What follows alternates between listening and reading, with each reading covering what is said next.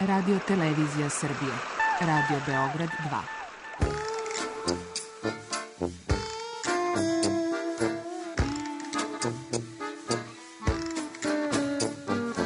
2. To rekli su mi, gospodine, vi ste propanšili temu.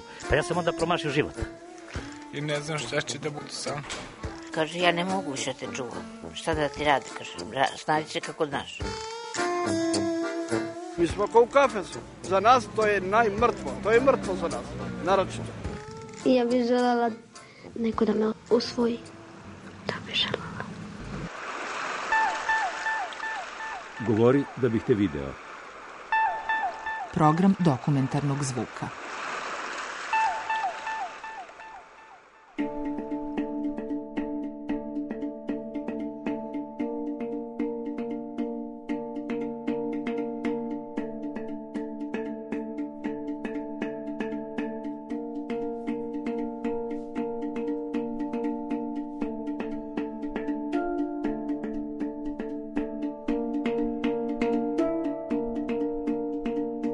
Razgovor u tišini.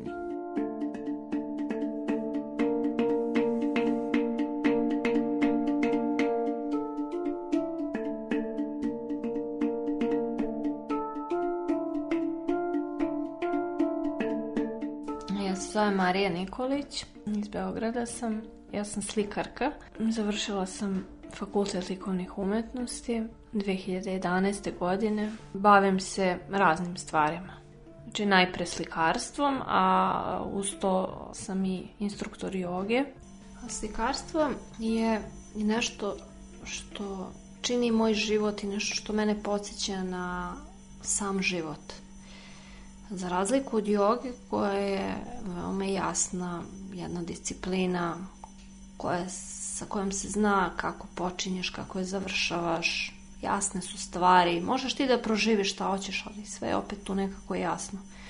To je disciplina. E, slikarstvo je sam život, znači to je neko projektovanje ili materializacija naših ovaj, mojih lično doživljaja. Znači kako ja udišem ovaj svet, tako ga izdišem na tu sliku upravo e, mogu sebe da prepoznajem preko svojih slika, mogu da e, preko svog načina rada ili mojih ishoda, preko mojih slika mogu da vidim ovaj, šta, šta se sa mnom događa, ovaj, kako je moj odnos prema svetu. Tu je jedna velika borba, tu je jedna veli, to je kao i sam život negde. Znači, iz druge strane, ne znaš kuda će da te odvede. Dok ti dok ja staram, tačnije, znači ne znam ovaj, kuda će to da ode. I to je možda e, ideja koja je najduže opstala kod mene, jeste taj, e, ta ljubav prema stvaranju, prema likovnosti, prema mogućnosti, jer to je stvarno ovaj nešto moje najlepše iskustvo jeste upravo to, taj proces stvaranja.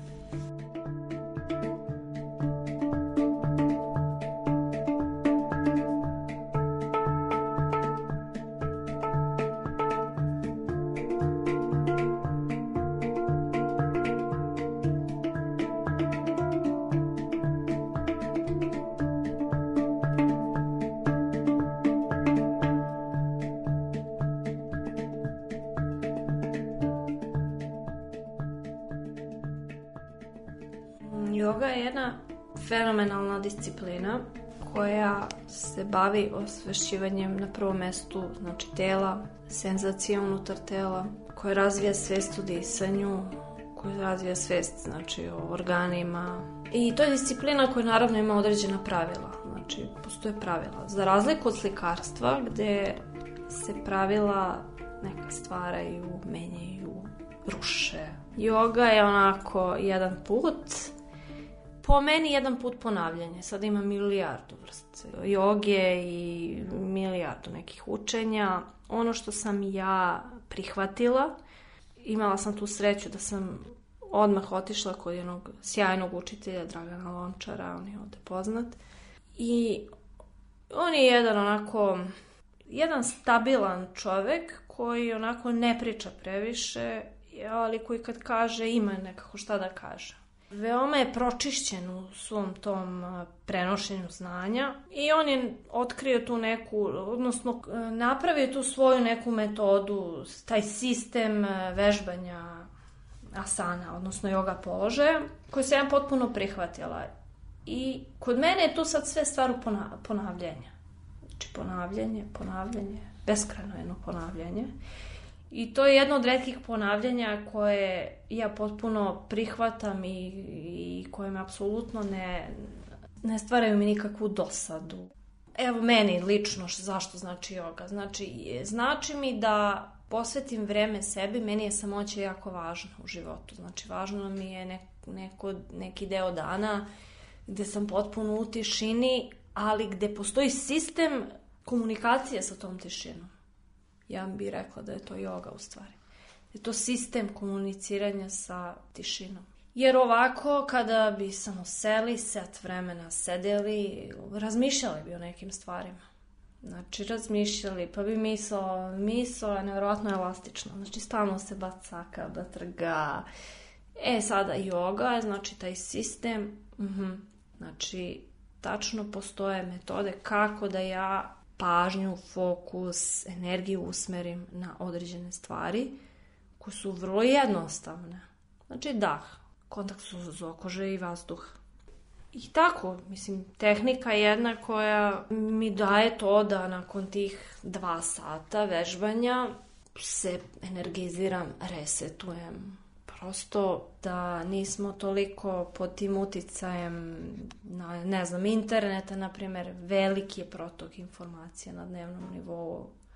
Ja ne znam, ovaj, svaka čas kako, mislim, neverova, mi smo neverovatna ovaj, jedna vrsta koja je tako prilagođava na neke stvari. Koliko ljudi su naviknuti dnevno da toliko informacija provedu kroz svoj mozak, meni je to neverovatno dobro je sada ima i to sad jedna stvar gde ovaj, zavisi koliko neko ozbiljno nešto shvata. Ja jako ozbiljno shvatam stvari, jako ozbiljno. I onda sada bolje mi je da se bavim jogom, jer onda ozbiljno doživim sve to.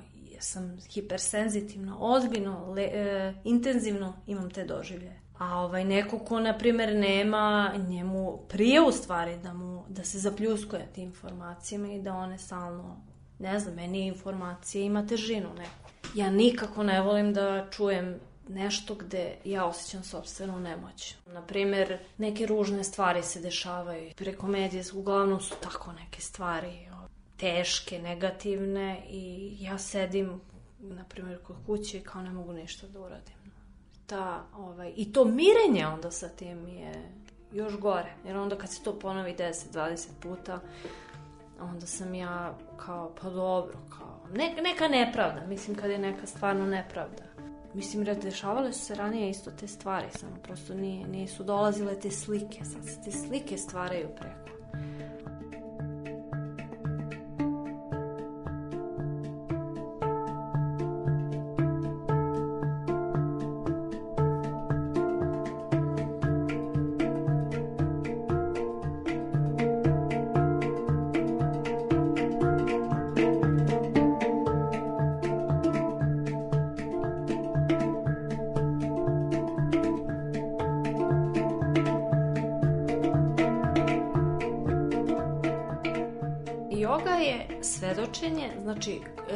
postoji kontakt sa tim što se sada dešava u ovom trenutku. Znači ja primam sve te informacije i ovako i onako, samo što se sad fokusiram na njih.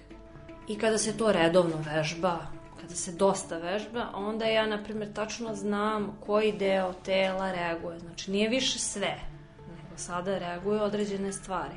Tačno znam šta se dešava u mom organizmu. Znači, ako, ako sam uznemirena, ako mi nešto ne prija, Prosto dobijam informacije šta ja e, mogu sada da radim. Više nisam e, u toj nekoj nesvesti. E sad, ima, sve ima svoju neku žrtvu. Ja vežbam to baš onako Znači, deset godina jedno te isto vežba. svaki dan. Tu, se, tu nema pitanja, to je onako kao vojnik neki, tu ne postoji pitanje kao sada mi se ne vežba ili kao da loš mi je dan ili nešto mi ne odgovara. Nema to, znači se podrazumeva. Tako da sve to ima svoju neku žrtvu. E sad ima, ima sad nekih sistema, koliko sam videla, eh, čula, sad je baš onako, eh, izašla je nekako u, u javnost, da kažem, ovaj, kao misli kakvi su ti misli, takav ti je život, mislim, to za to znamo apsolutno, od uvek, uvek je, ali, znaš, kao misli, e, misli pozitivno, misli kako će to, e, vidi tu situaciju. E, to je sad meni neki onako drugačiji sistem, prosto imam neku rezervu prema tom sistemu, jer u jogi je, znači, postoji ta neka, znači, stalno si tu, znači, taj trenutak ti govori to Ali ovo nekako zaviranje u budućnost. Znači ti odeš negde ispred. Neka, nek, to mi je nekakva suprotna logika. Kao. Ne možeš, ne znam baš koliko može priroda da se ukroti na taj način.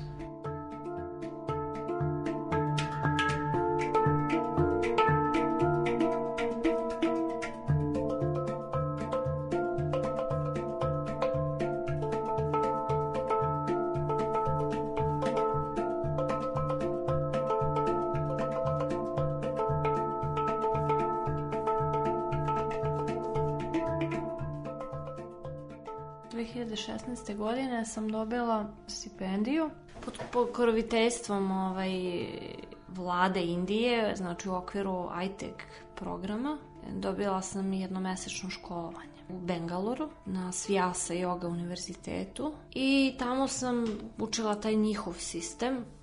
Dobro, dobila sam sertifikat yoga instruktor, ono što je meni bilo tamo veoma interesantno je nešto što je opet neko lično iskustvo. Znači, to mi je dragocenije bilo od bilo kakve diplome ili bilo čega. Nisam ja imala neka sad očekivanja tamo. I, i obično kada putujem ili moj odnos prema životu jeste neka mhm, kao vidjet ćemo šta će da bude. Ne, nisam imala, nisam imala neko predoduševljenje.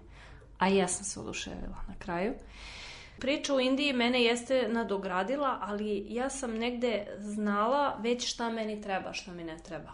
Šta mogu da prihvatim, šta je korisno, a šta je neka ono, jer oni površniji su oni negde u odnosu na ovaj naš ovde sistem koji sam ja učila. Znači negde su onako, lako ćemo sve, ali realno kada pogledamo njihova klima je drugačija. Znači oni, njima je toplo stalno, mislim Drugo, fleksibilniji su me, mentalno, duhovno, takva im je kultura, mislim, oni su, oni žive dosta siromašno, ali kod njih nema tuge, nema tuge. Znači, ja nisam videla tu kao kod nas koja je ono, na svakom koraku prisutna.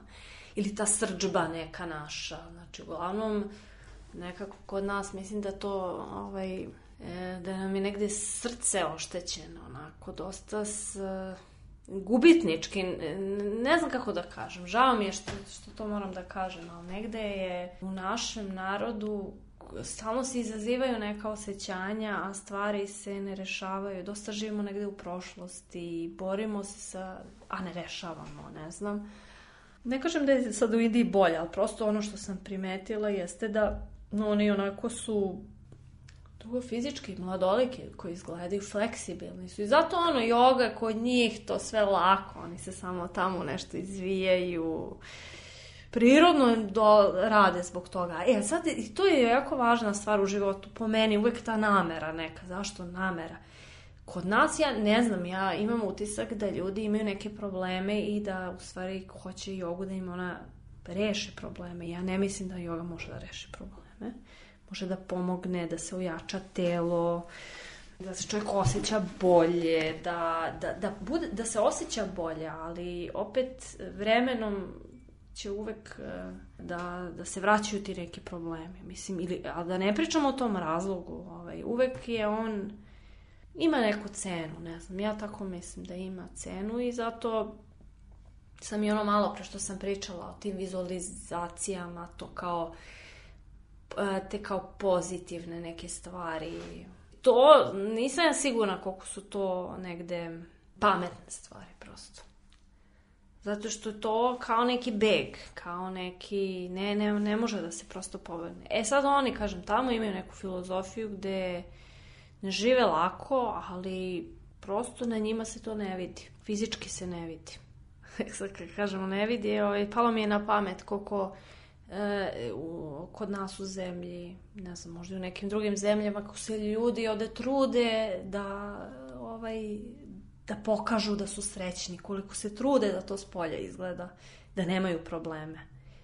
A otkrivaju ih da imaju. E sad u Indiji se isto ne vidi, znači spolja se ne vidi, ali ovaj je drugačije, zato što nekako iznutra to izlazi. Uh, Jer kod nas je nekako to spolja, znači kao šminka, stvari koje su skupocene, kao, ja ovde često čujem reč karijera, karijera, karijera. Meni je taj, posebno mi u poslednje vreme, toliko mi je izanđao taj, kad kažem karijera, ne mislim na ljude koji imaju karijeru, nego koji žele karijeru, e, zato što se e, svet, e, velike su klimatske promene, znači stvarno je pitanje ono dokle ćemo nekako da doguramo. Znači treba da se bacimo na tu ekologiju, da ne znam, da brinemo da ono tu nema više razmišljanja kao ja ću sada nešto nego nekako to udruživanje ja mislim da je ovaj, presudno i ta neka čutnja u smislu da radiš stvari koje ti misliš da treba, mislim najviše na te neke humane stvari. Ako ja radim nešto humano, i ako to namećem drugima, ja u stvari nosim u sebi neku količinu agresije. Jer ja hoću da jer ja mrzim te ljude prosto što eto oni isto to ne rade.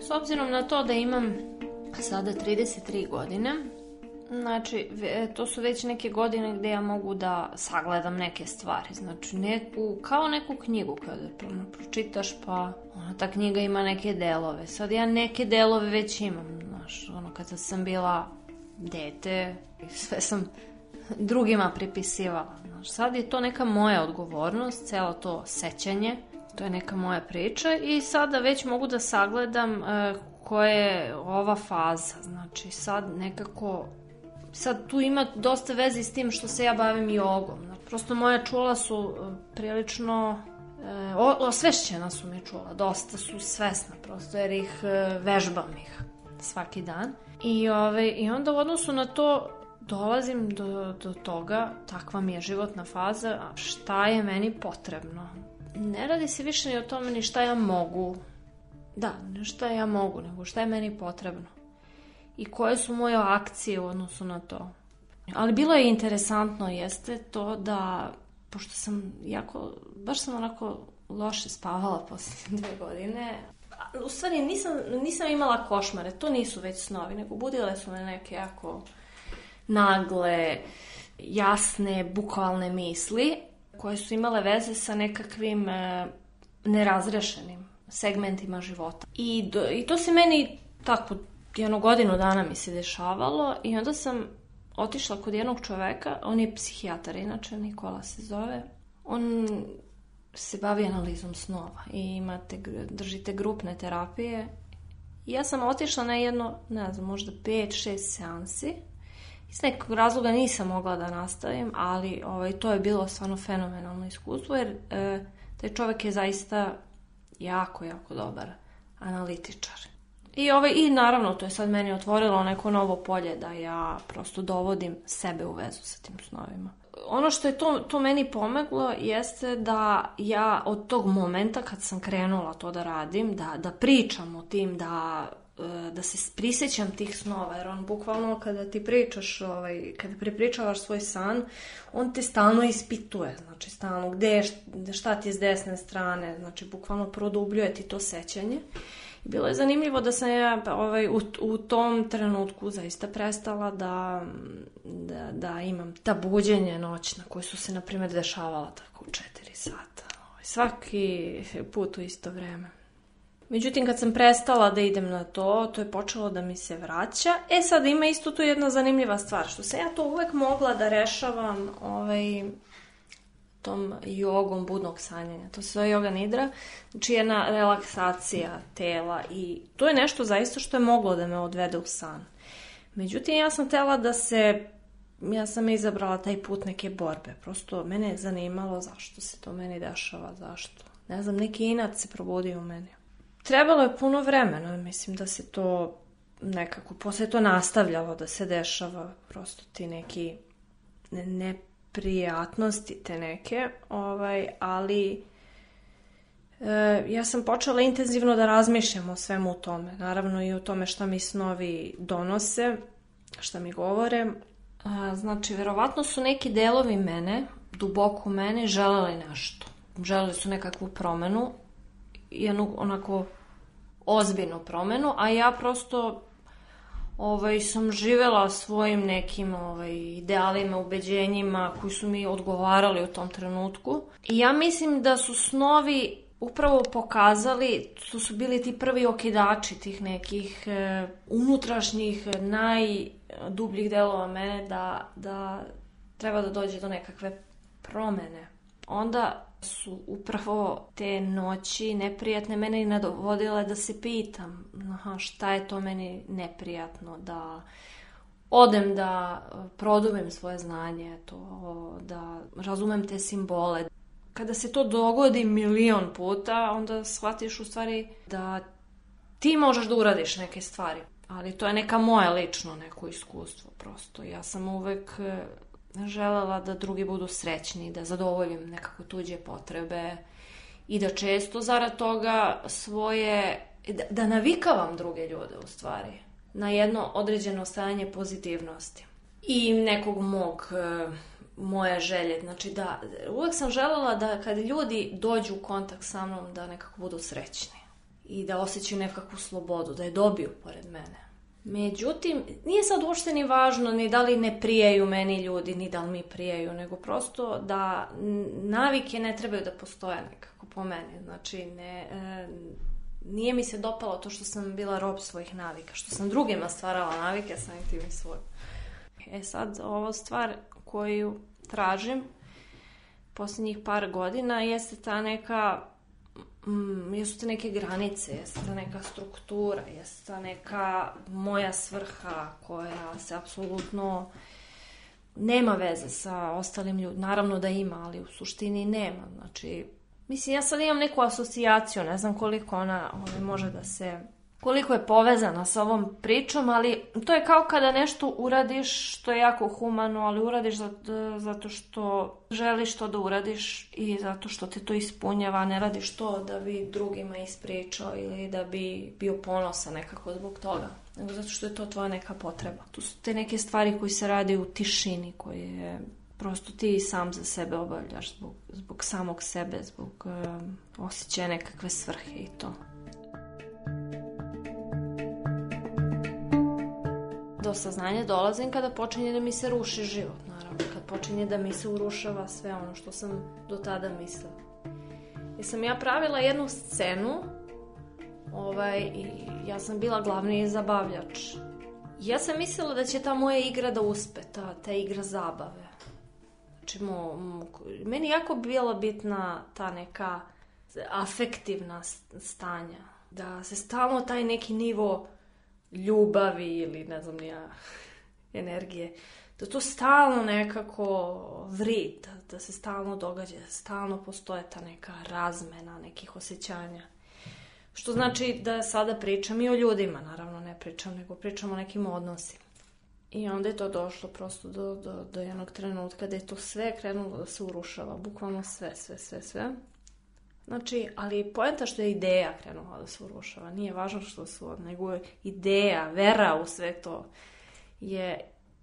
E, i onda kad to krene, kad ti se to, ili bilo kome, svakome se nešto uruši, neka ideja, nešto za šta je, u šta je najviše verovao, i, ove, I onda kada se krene odatle, ja pretpostavljam da, da onda čovjek vidi verovatno te neke koje su te granice života u stvari, granice neke realnosti.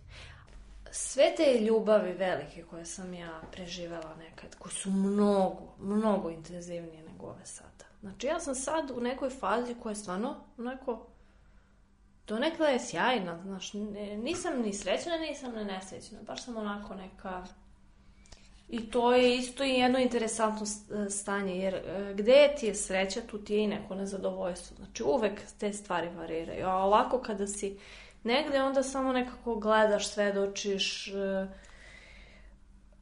znaš kada počneš, kada završiš. Ja sam s tim ranije imala problema. Znači, započnem, ali kao ne znam kako da završim zato. Ne sad nekako tu postoje, ovaj, postoji jedno strpljenje, postoji jedna onako polako, ide se, ide, idem, idem, tabam stazu, znači interesantno je veoma. Ali, znači, sve te moje ljubavi iz prošlosti koje su bile jako intenzivne u odnosu na ovo sada, neverovatno, e, sve te ljubavi su bile moje, to, to su moje osjećanja bila. Iako sam ja dugo, dugo, veoma dugo mislila da, da to isključivo ima veze sa nekim drugim sa drugom osobom, idejom, sa ne znam ja, sa nečim što je spolja u stvari, to hoću da kažem. Ali, ovaj, ali ne, to je ovde, znači tu je, sa mnom je. Ovaj, interesantno je to, zato što sada to saznanje meni daje da ja neki dodatni mir mi daje, znači nemam potrebu ja sad, to sad je drugačija faza u životu, znači nema potrebe da ja sad uh, Ovaj, ali, jer kažem, dugo sam imala krizu i, e, tog intenziteta. Jer ja sam samo želela da živim, da konstantno moj život bude onako pun, srećan, srećan. Međutim, ovaj, saznanje da je ta sreća bila moja, da je ona prosto eno, je tamo u nekoj prošlosti, ali ovde tu je sa mnom, daje mi drugačiji odnos prema prosto, ok, sada je drugačije, idemo dalje. I šta isto zanimljivo, jako zanimljivo, jeste da mi to meni odredilo, uh, sredilo odnos prema smrti. Znači, moj odnos prema smrti je potpuno drugačiji, prihvatljiv, jer to mi se isto desilo, eto, u posljednje dve godine. Kada nastupa, eto, ova druga neka faza, jeste da mi je jedna baka umrla, koju sam mnogo voljela Ona je odbolela od Alzheimerove bolesti i između nas se u to posljednje vreme promenila komunikacija i to je baka koja mene baš onako volela, radovala mi se. Ovaj, imala sam iskustvo ljubavi. Kad je ta baka umrla, je, ja sam tako doživjela jedno oslobođenje. Znači ja sam tamo stajala i e, nijedna, ono, ni, nikakvu tugu nisam osetila samo su mi navirala ta lepa sećanje i to ispunjenje te svrhe. U smislu da dale smo, ona je meni dala, nije me uslovljavala ničim. Ja sam nju isto davala, ali opet s druge strane nije ni ona meni puno tražila da bi ja imala taj osjećaj da koliko sam ja nju je dala. Ja znam da sam ja nju volela i to je to. I ona je otišla, znači, i ja i dan danas mogu nju da prizovem. I to sad naravno, ovo ima veze sa onom malo pre pričom. Znači ta neka osjećanja koja su bila nekada sa nekim ljudima kojih nema više, sad mogu da ih prizovem i da, i da nemam problem sa njima. Sada je, jeste, to su malo drugačije stvari, ovo je baka u pitanju, ovo, malo, ovo je sada malo pre što sam pričala, to je neka moja borba, znači moj, moje prolaženje kroz život, moje neka iskustva, a ovo drugo je baka. I upravo mislim da tu velika moć tih ljudi, tih e, generacija, znači koji nešto prenose, koji nešto daju, poklanjaju u stvari na neki način. Ovaj, to je meni nevjerovatno jedno veliko bogatstvo, najveće bogatstvo, jer se tako duh nekakav prenosi.